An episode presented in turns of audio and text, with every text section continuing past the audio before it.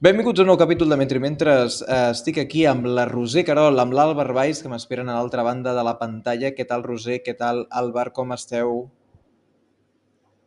Molt bé. Per ara bé. Sí, sí.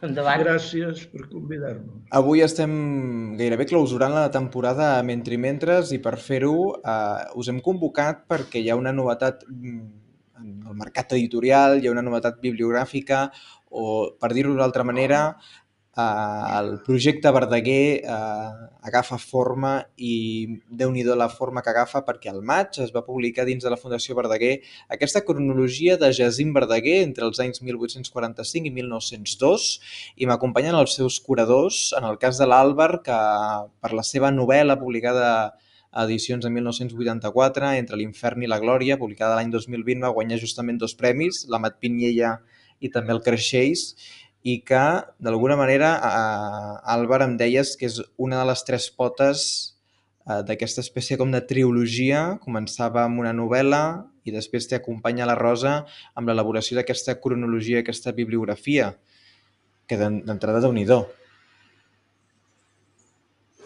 Sí, sí, sí. Uh, bé, és un projecte de molts anys, fa 16 anys que, que hi treballem. El projecte va començar eh, amb la bibliografia, que per cert serà l'últim llibre de la trilogia que sortirà, però quan preparàvem els materials i buidàvem doncs, tot el que s'havia de buidar per fer la bibliografia de Verdaguer, eh, ens vam adonar que hi havia una que es podia fer també una cronologia, és a dir, el dia a dia de Verdaguer, amb el mateix esforç o molt poc més que eh, d'aquest buidatge de la bibliografia. I, per tant, va, ens vam posar a buidar també la cronologia, el dia a dia. Eh, I, posteriorment, eh, a mi se'm va acudir, que té un projecte més personal, eh, de fer una novel·la sobre Verdaguer, una novel·la biogràfica, eh, perquè teníem ja els materials doncs, eh, informatius doncs, per, del personatge per fer la novel·la i, i la vaig fer i la vaig publicar. Eh, per tant, eh, la novel·la és filla dels altres dos, però va sortir primer. Uh -huh. Doncs aquest és el, el dibuix, diguem. Roser, en el teu cas, m'imagino que també 16 anys treballant sobre tota aquesta documentació. No sé si en el teu cas ens pots també respondre uh, no tant al motor, perquè el motor eh, la fascinació per Verdaguer m'imagino que és, és bastant clara, sinó d'alguna manera també quina operació calia fer, perquè de biografies de Verdaguer n'hi ha, i no sé fins a quin punt us semblen eh, o quin, quin, quina opinió us mereixen. És, és una mica el que te deia l'Àlvar. Eh, vàrem començar per la bibliografia perquè no hi havia cap bibliografia amb cara i ulls eh, que, que, que tingués un pes. Pensa que també s'acostarà a les mil pàgines, eh, la bibliografia, quan surti, i en canvi eh, les bibliografies agudes són molt minces, eh, són cortetes. Eh, al fer la bibliografia ens vam adonar de la magnitud de la tragèdia. I com que som eh, mica tocats de l'ala, per dir-ho així, eh, vam dir, a veure, anem-hi fotent, anem-hi fotent, anem-hi fotent, eh, pagat per la Universitat d'Andorra Albert Valls Rosecarol, perquè tot, tot és fet de, sense cap ajuda econòmica, però a les nits, mira, en comptes de mirar la tele, doncs anàvem a fer cinto, saps? I una cosa va portar l'altra. El, el, el que és més divertit, trobo jo, és que primer sortís la novel·la. És, ha sigut com un anant a, a l'inrevés, no?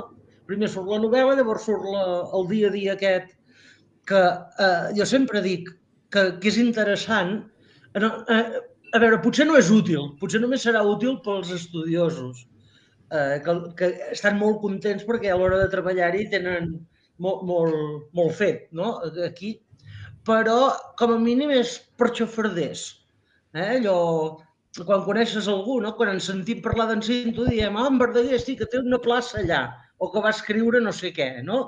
Uh, però, o sigui, què va fer aquest home? I, i el dia que jo vaig néixer, el, el 13 de setembre, eh, d'aquests anys que ell va viure, què, què va fer el 13 de setembre, aquest home? On era aquell any?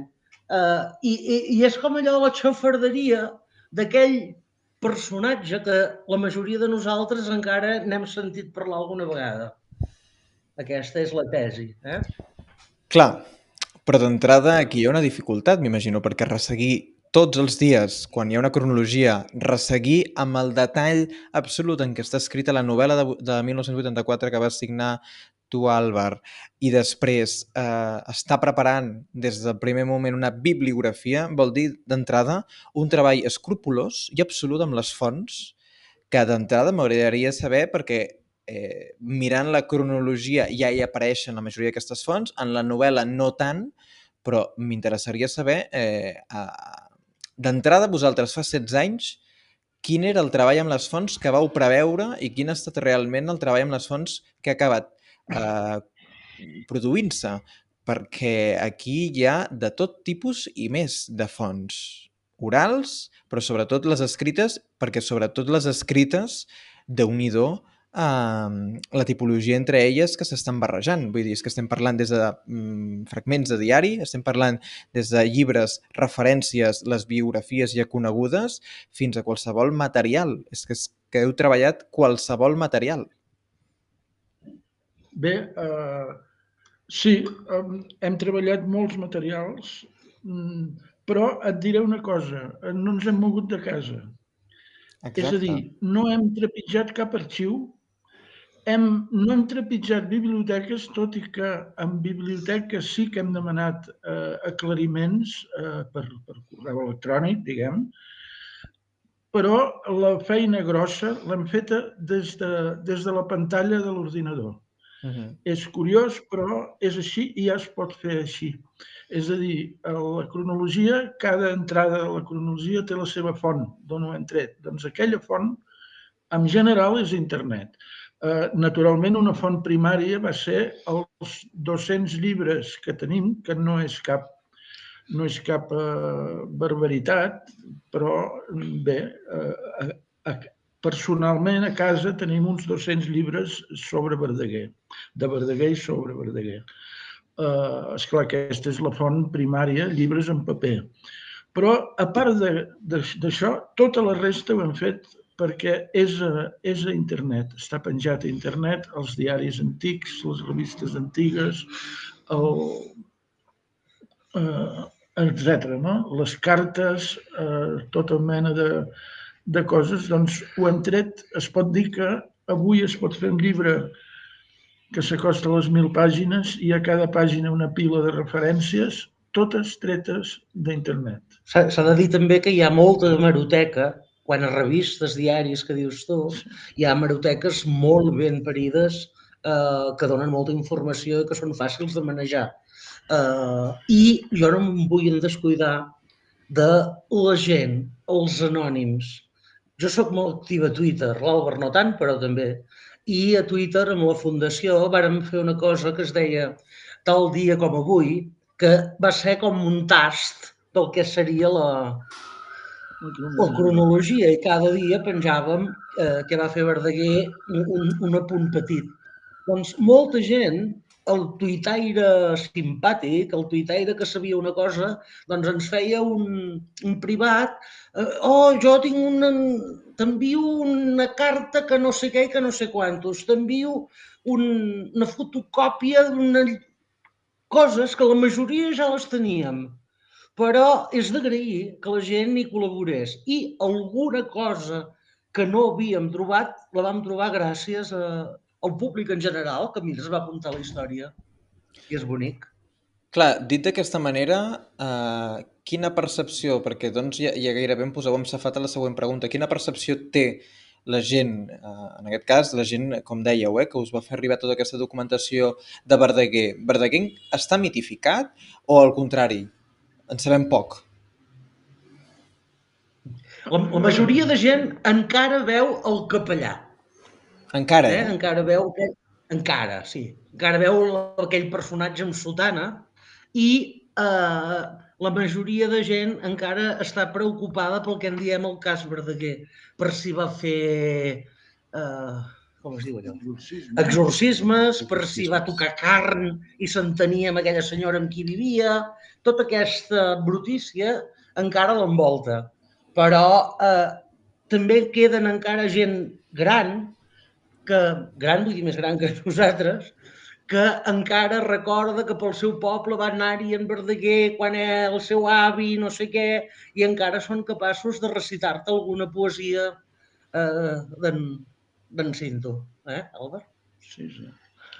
Sí, sí, eh, és, ben bé, és ben bé això. Eh, bé, nosaltres eh, hem percebut molt que fent aquest treball i preguntant a la gent, etc, que hi ha moltes dimensions de Verdaguer. Hi ha, per sort, que és la que hi ha d'haver i, i que, bé, que abans potser no hi havia tant, però ara està molt consolidada, la dimensió acadèmica que ha de tenir un gran escriptor, un dels primers escriptors de, de catalans de tots els temps, diguem, eh, bé, ha de tenir una, una recepció acadèmica important i bé, des de fa unes dècades doncs, l'està tenint bastant. Eh, I llavors també ha de tenir o té una recepció popular.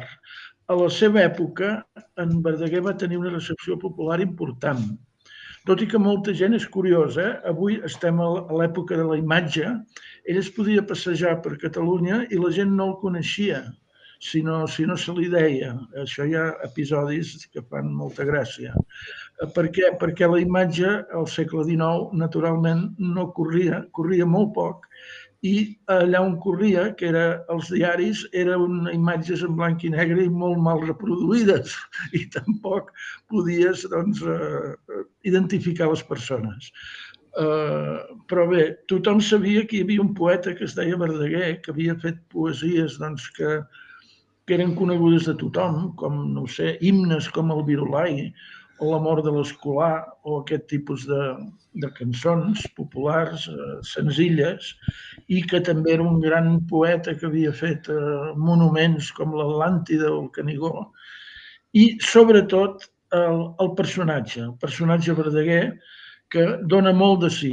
No és en va que vaig decidir-me fer una novel·la, perquè el, el Verdaguer és un personatge de protagonista de novel·la la seva vida, diguem, que si no hagués existit s'hauria d'inventar. Eh, en Verdaguer es va enemistar amb el seu bisbe, va ser un rebel a les ordres del seu bisbe, això que avui podria passar una mica com, una, com un episodi doncs, eh, curiós, pintoresc, eh, a finals del segle XIX, això era un terratrèmol, sobretot en el sector on Verdaguer estava inserit, que era el sector del regionalisme. El sector del regionalisme, que eren de missa i comunió diària, eh, no podien tolerar en cap moment que eh, un capellà ras, com era Verdaguer, per molt poeta que fos, desobeís el seu bisbe. Aleshores, aquest sector el va enviar al Gulag, que dic jo. Eh, Enviar-lo al Gulag volia dir, doncs, eh, bé, eh, dir sobre ell coses que no, que, no, que no havia passat, com que havia posat la mà a la caixa del marquès pel qual treballava, eh, que, havia, que havia tastat carn, com va dir un gran amic seu, Sort que els amics diuen aquestes coses. Crec que si són els amics, imagina't. Aleshores, tot això va transcendir perquè en Verdaguer ho va portar a la premsa. És a dir, en Verdaguer va fer de... Uh, uh, com se diu? El, el, el Jacús, saps? El, el Zola, l'Emil Zola, que va fer el Jacús sobre el cas Dreyfus, un uh -huh. article denunciant, i es diu que mm, a partir d'aquell moment va començar la premsa moderna, que és portar el conflicte en els diaris, perquè abans eren tots flors i violes. Bé, el Zolau això ho va fer quatre anys després que Verdaguer ja hagués fet una sèrie d'articles als diaris eh, denunciant amb noms i cognoms la persecució de què havia estat. Aleshores, el fet que tot això es ventilés als diaris va fer que a nivell popular es conegués molt la figura de Verdaguer, és a dir, no només pels versos, per la poesia i la prosa, sinó també eh, perquè havia estat, segons el poble, havia estat injustament perseguit. I bé, d'aquí ve el personatge Verdaguer que va iniciar-se aquell temps i que avui ja no és tan conegut en aquest sentit. És un, és un, ja és un personatge històric, per dir així, però que això hem d'oblidar.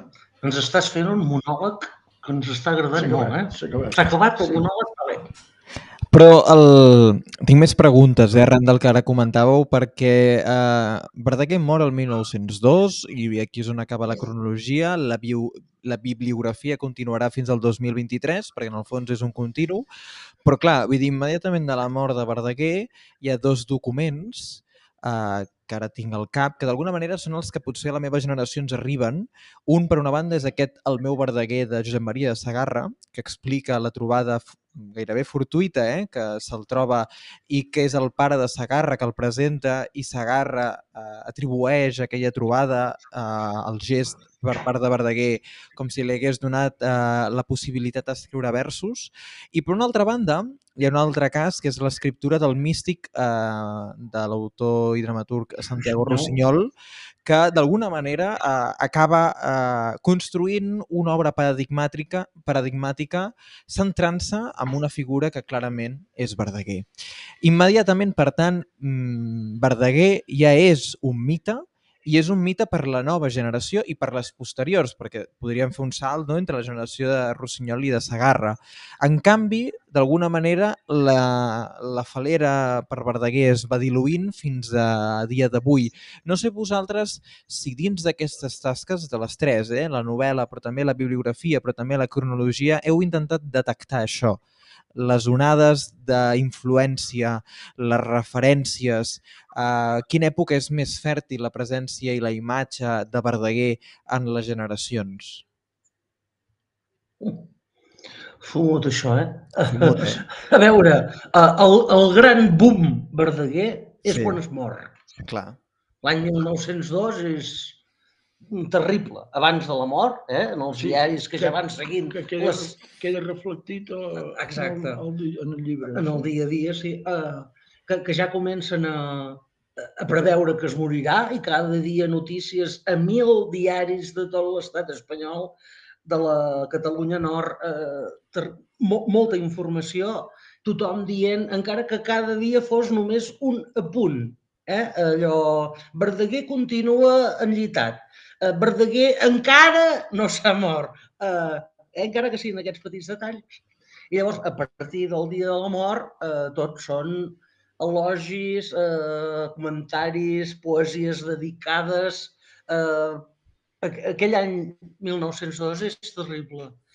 I jo també sempre dic, una, una generació que, que l'ha tingut molt mitificat és la generació que ara tindria la gent que ara tindria uns 90 anys, eh, entre 80 i 100 anys, aquesta gent el tenia molt mitificat. Eh, aquesta gent també suposo que, que era dels pocs autors que en, en, amb el franquisme toleraven que se'n parlés, eh, de, de, eh, potser a partir del gol que els hi va fer la Mils, de colar-los el, el canigó en, la moneda, en, la, en el paper moneda, Eh? Uh, el bitllet de, el bitllet. de 500, aquell, aquell blau mític, sí. eh? aquell blau mític. Uh, doncs aquesta generació també havien sentit a parlar tots de Verdaguer, uh, a la majoria de, de ciutadetes del país ell hi havia anat i per tant la gent encara ho recordava i jo diria que són els grans moments. No sé tu, Albert, si... Sí, uh, a veure, en Verdaguer havia tocat moltes tecles fins al punt que quan quan ell es va veure, es va sentir perseguit i, i va fer en defensa pròpia aquesta sèrie d'articles eh, que dèiem, eh, ho va fer a la premsa republicana. A la premsa republicana, és, és a dir, no ho va fer a la premsa que li correspondria del regionalisme, perquè bé, no, no li haguessin publicat, naturalment. I ell va demanar auxili a la premsa republicana, a la Publicitat, que era un diari en castellà, ell escrivia en català i li publicaven en català, li van publicar en català, Però, eh, bé, és curiós. Llavors, això, això va fer que, d'alguna manera, sectors que, que no eren d'aquest sector regionalista, diguem, és a dir, per entendre'ns, eh, de dretes i de missa diària, eh, sentissin simpatia també per Verdaguer. I això va continuar igual fins i tot pel que fa als corrents estètics i literaris. Per exemple, en, en, en Rossinyol era un fan de Verdaguer. Eh, ara podríem explicar molt, molt vull dir, el, per què. Això en el llibre d'on surt, diguem. Eh, esclar, en Rossinyol encapçalava el modernisme, el moviment doncs, que tenia doncs, a les seves assitges, el seu, el seu lloc sant, per dir-ho així, i eh, bé, en Rossinyol, en Morera, eh, músic Morera, etc., eren fans de, d'en Verdaguer. I això va continuar d'alguna manera. És a dir, quan, quan el, el, el, la Renaixença, els, els, els homes, dic els homes perquè eren homes, de la Renaixença, literats, de començar a ser contestats pel moviment del modernisme, en Verdaguer es va salvar, per dir-ho així, i va continuar. Per tant, eh, vull dir, això també permet doncs, veure que eh, no era només un fenomen popular, sinó també a dins de, no sé, de la crítica literària, etc. No? Eh, va, va continuar. Després, una altra cosa que va afavorir que el mite Verdaguer doncs, continués, això ja molt més endavant, va ser que el franquisme va intentar apropiar-se en Verdaguer. Verdaguer era un capellà, era un home prudent, eh, al seu moment doncs, ell parlava d'Espanya eh, com, bé, com, com una cosa natural i això aleshores va fer l'Atlàntida, que d'alguna manera doncs, també eh, canta eh, el descobriment d'Amèrica. Eh, aleshores, el, el franquisme hi va veure una manera doncs, d'apropiar-se'n i bé, la, la, la cultura, la literatura catalana quedava tancada a dins d'aquest d'aquest sistema, diguem, d'això. Aleshores, eh, Bé, això, això ha fet doncs, que en Verdaguer continués doncs, eh, eh, en l'actualitat. Jo no sé si t'hem respost el que em deies, però no... no absolutament, absolutament. I, i m'apunteu també per a la següent pregunta, d'alguna manera, que és que eh, hi ha el que és la inèrcia pròpia de la dictadura, Uh, però també hi ha la inèrcia pròpia de com canvia el país uh, amb aquesta tensió permanent que intentem sempre explicar que és eh, modernisme noucentisme I, i sembla com que també aquí hi hagi part uh, d'alguna manera eh, eh, de, de, de separar-se i de desvincular-se d'una tradició que eren aquests eh, poetes populars amb una estructuració que havia de ser el país eh, vinculada, en aquest cas, a una altra lògica, a uns altres estils. No sé també com, com ho veieu vosaltres, això. Bé, això per començar, eh, i, i continuant amb, amb, amb la resposta anterior, lligant-la amb aquesta, eh, pensa que en la bibliografia, que encara no, no, no, no, no la podeu remenar fins l'any que ve, eh, tothom ha escrit sobre Verdaguer. Des de les seves, la, seva, la, la seva generació, és a dir, els altres poetes, els falibres de l'època, eh, passant per modernistes com en Maragall, per, continuant per noucentistes com en Carné. Eh, és a dir, eh, actualment en Pere Jaume, eh, és a dir, totes les generacions han parlat sobre Verdaguer, han escrit sobre Verdaguer. Això diu molt eh, de, de, del personatge, però també diu molt eh, d'una cosa que cada vegada em sembla que es veu més clara, que aquells grans blocs que tu dius, eh, la, la decadència, la renaixença, el modernisme, el noucentisme, eh, que per una generació eh, va ser molt clar perquè ens ho varen fer estudiar així molt tallat, no? Això comença l'any tal i acaba l'any tal. Eh, això és molt líquid. Clar. Eh, la, la, la, els escriptors que realment han quedat en la història de la literatura han anat fluctuant per tots aquests.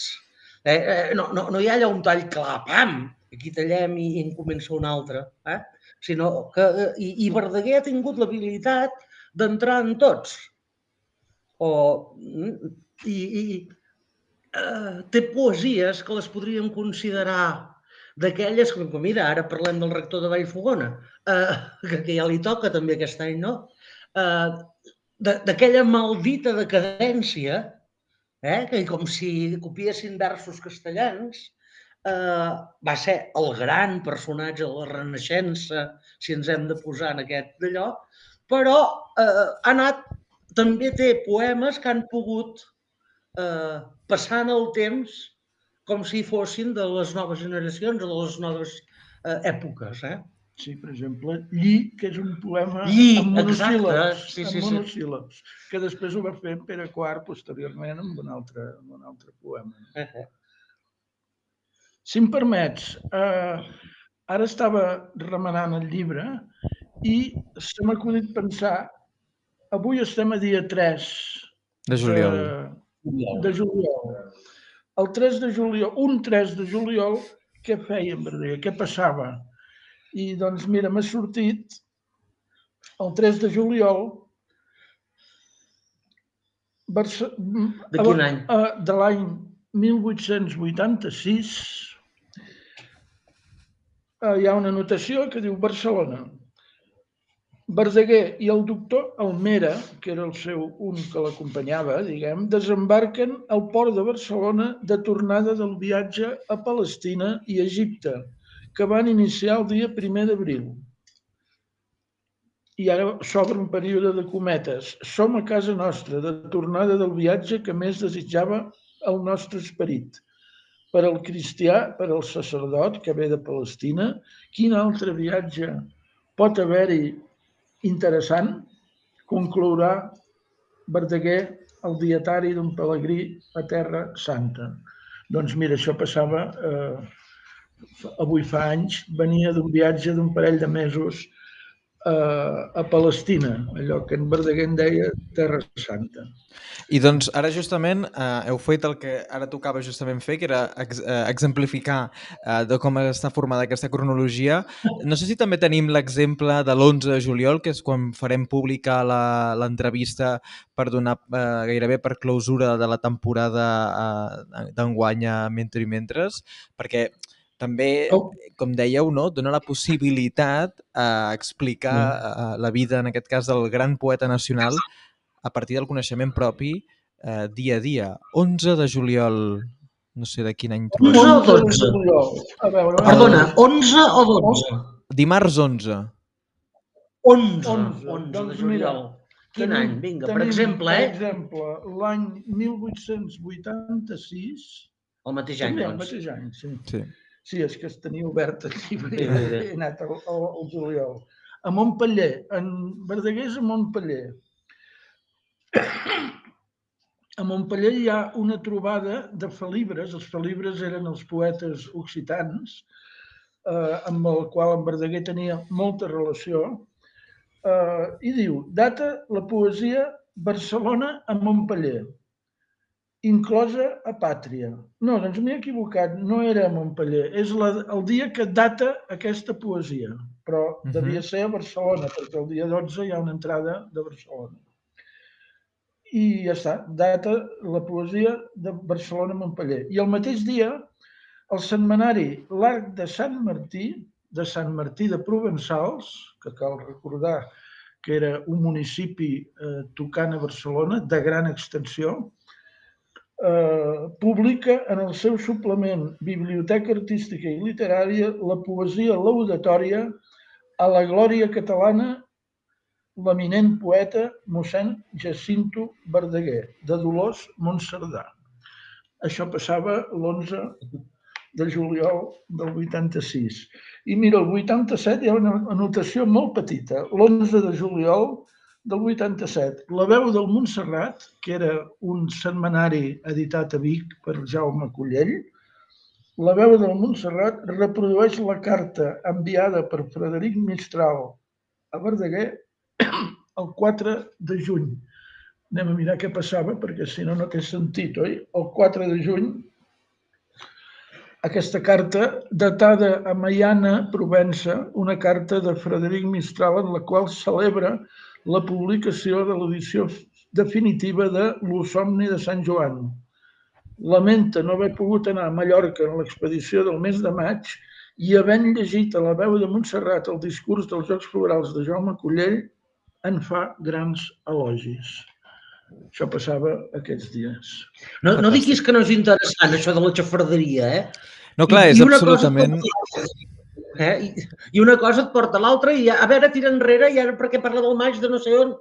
Està bé, està sí, bé. Des, després, esclar, aquest llibre té dos índexs, eh, un de, de noms de lloc, de persones, i l'altre de noms de lloc, que a més són impressionants, hi ha uns 1.500 entrades a cada, a cada índex, i on es veu doncs, tota la relació que Verdaguer tenia amb, amb, amb tota mena de gent, eh, no, de, no, no només de Catalunya, sinó de tot arreu, i en els de noms de lloc també surt des de, des de noms doncs, de topònims menors petits del Pirineu fins a grans topònims de tres continents, que són els que va trepitjar Verdaguer. Evidentment, com estem parlant avui, eh, amb l'Àlvar Valls i amb la Roser Carol, eh, tots els espectadors avui que ens estan eh, sentint, ara que s'apropa l'estiu, i comencem ja a pensar de cara no, a, a l'arribada de setembre. El setembre Fundació Jacint Verdaguer publicarà una nova edició de l'Atlàntida. Sabem, però, que la tasca d'investigació de la Fundació va per altres camins també. Hi ha tota una investigació vinculada a topònims utilitzats en Verdaguer i que no deixen d'aparèixer doncs, eh, publicacions del caràcter acadèmic i no només vinculades a Verdaguer. Jo us volia preguntar, eh, en un temps com l'actual, amb tot el que representa no? la informàtica, la informatització de dades, l'acumulació de dades, tot el que heu estat treballant amb aquesta bibliografia, amb aquesta cronologia, amb la novel·la, tot això permet eh, mil i una eh, tasques quina possibilitat de continuació hi ha d'aquest projecte? Uh, què, en podem, què en podem anticipar de com ha de continuar això? Uh, en què s'ha de poder transformar? A veure, t'explicaré mig secret perquè algun lloc ho hem mig dit, també. Uh, quan vam començar per la bibliografia i vam veure que, oi, traient informació de la bibliografia també podíem fer una cronologia, eh, i som així d'animalots, va, posem-hi. Eh, abans que l'Àlvar pensés a fer una novel·la, vam dir també, oi, aquí surten moltes persones, molta gent de l'època. Podríem fer un llibret amb una mini biografia de cada un dels personatges que... Eh, però ens vam rendir. Ens vam rendir. I sempre penso que aquesta és una tasca derivada d'aquests llibres.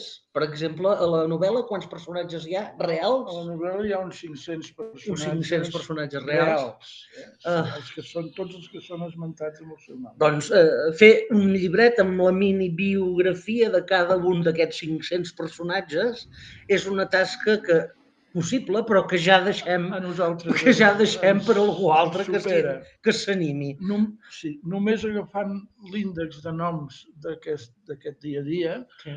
eh, es podrien treure 1.400, eh, gairebé 1.500 eh, noms, es podria fer una, una espècie de diccionari d'amics i coneguts de Verdaguer que això podria ser útil per veure les relacions, etc. Amb una mini biografia de cada un. Dic mini perquè sí, sí, sí, no, si no serien llibres d'una extensió enorme. Uh, una altra cosa, però que jo ja la preveig per, per més per d'aquí 50 anys, eh? per, posem-hi temps pel mig, que és algú que s'animés a fer eh, un treball sobre les citacions de Verdaguer que hi ha amagades eh, entre l'infern i la glòria, a la novel·la de l'Àlvar. Saps allò? Un, un, una tesi de llicenciatura, eh? una cosa d'aquestes, perquè eh, jo sempre dic que els verdagueristes, o verdagarians, depèn, eh, segur que se n'adonaran de moltes, però la majoria de gent li passarà. Eh? Allò, perquè no, no perquè no conec, no, no té per què conèixer Verdaguer, no? Però algú que sigui Allò, a veure, aquí, que veiem... Oh, això, aquesta, aquest, aquest, aquest gir el fa Verdaguer en la poesia no sé on, o en la carta no sé què. Eh? Sí, o doncs, eh, sí. Seria un treball d'aquests de, de formigueta. És, n'és ple. Sí, sí. N'és ple, n'és ple. Però això només ho, detec, ho poden detectar els estudiosos. Sí, de, doncs d'aquí 50 anys algun estudiós d'aquests que digui... Hi ha, hi, hi ha hagut algun crític literari que ha dit és que sembla que parli. És que parla. És, és que a través del, del, del com se diu, el, del, del narrador sí. de la novel·la parla Verdaguer, perquè hi ha moltes frases i paraules, etc. Sí. Molt bé, molt bé. Roser, Álvar, avui ens heu presentat aquesta novetat que publica Verdaguer Edicions i que forma part d'aquesta, com dèiem, no, trilogia gairebé, que és novel·la, cronologia i bibliografia. Hem parlat d'alguna manera com heu articulat aquests 16 anys d'investigació i només ens queda que donar-vos les gràcies que avui a Mentre Mentres ens hagueu atès i ens hagueu explicat amb pèls i senyals d'alguna manera què ha estat tota aquesta tasca Comencem ja el compte enrere per la publicació de la bibliografia, que tancarà aquestes tres portes d'accés gairebé al paradís, en aquest cas eh, paradís ratat per Verdaguer, i no deixem tampoc d'agrair-vos també tota aquesta tasca monumental que heu estat realitzant i que també és, eh, és com a si mateixa una òpera magna, que podrien dir perfectament, i que això com a mínim restarà igual que la memòria de Verdaguer restarà, l'obra que esteu construint, de nhi com restarà. I sumem també aquí a la Fundació Verdaguer que ha acabat eh, publicant aquesta cronologia i bibliografia. Per tant, no deixem també de sumar-hi també la tasca que hi fan des de la Fundació. Roser Álvar, eh, moltes gràcies per atendre'ns abans de l'estiu, per tancar temporada aquí al podcast i ens retrobem, com tots, eh, per començar una temporada nova al setembre, amb ganes també de parlar de novetats, de Verdaguer, d'aquesta Atlàntida que sortirà publicada i tot plegat. Per tant, us reitero les gràcies i que vagi tot molt bé. Gràcies a tu, Bernat. Un petó. Adéu-siau. Moltíssimes gràcies. Adéu. Mano,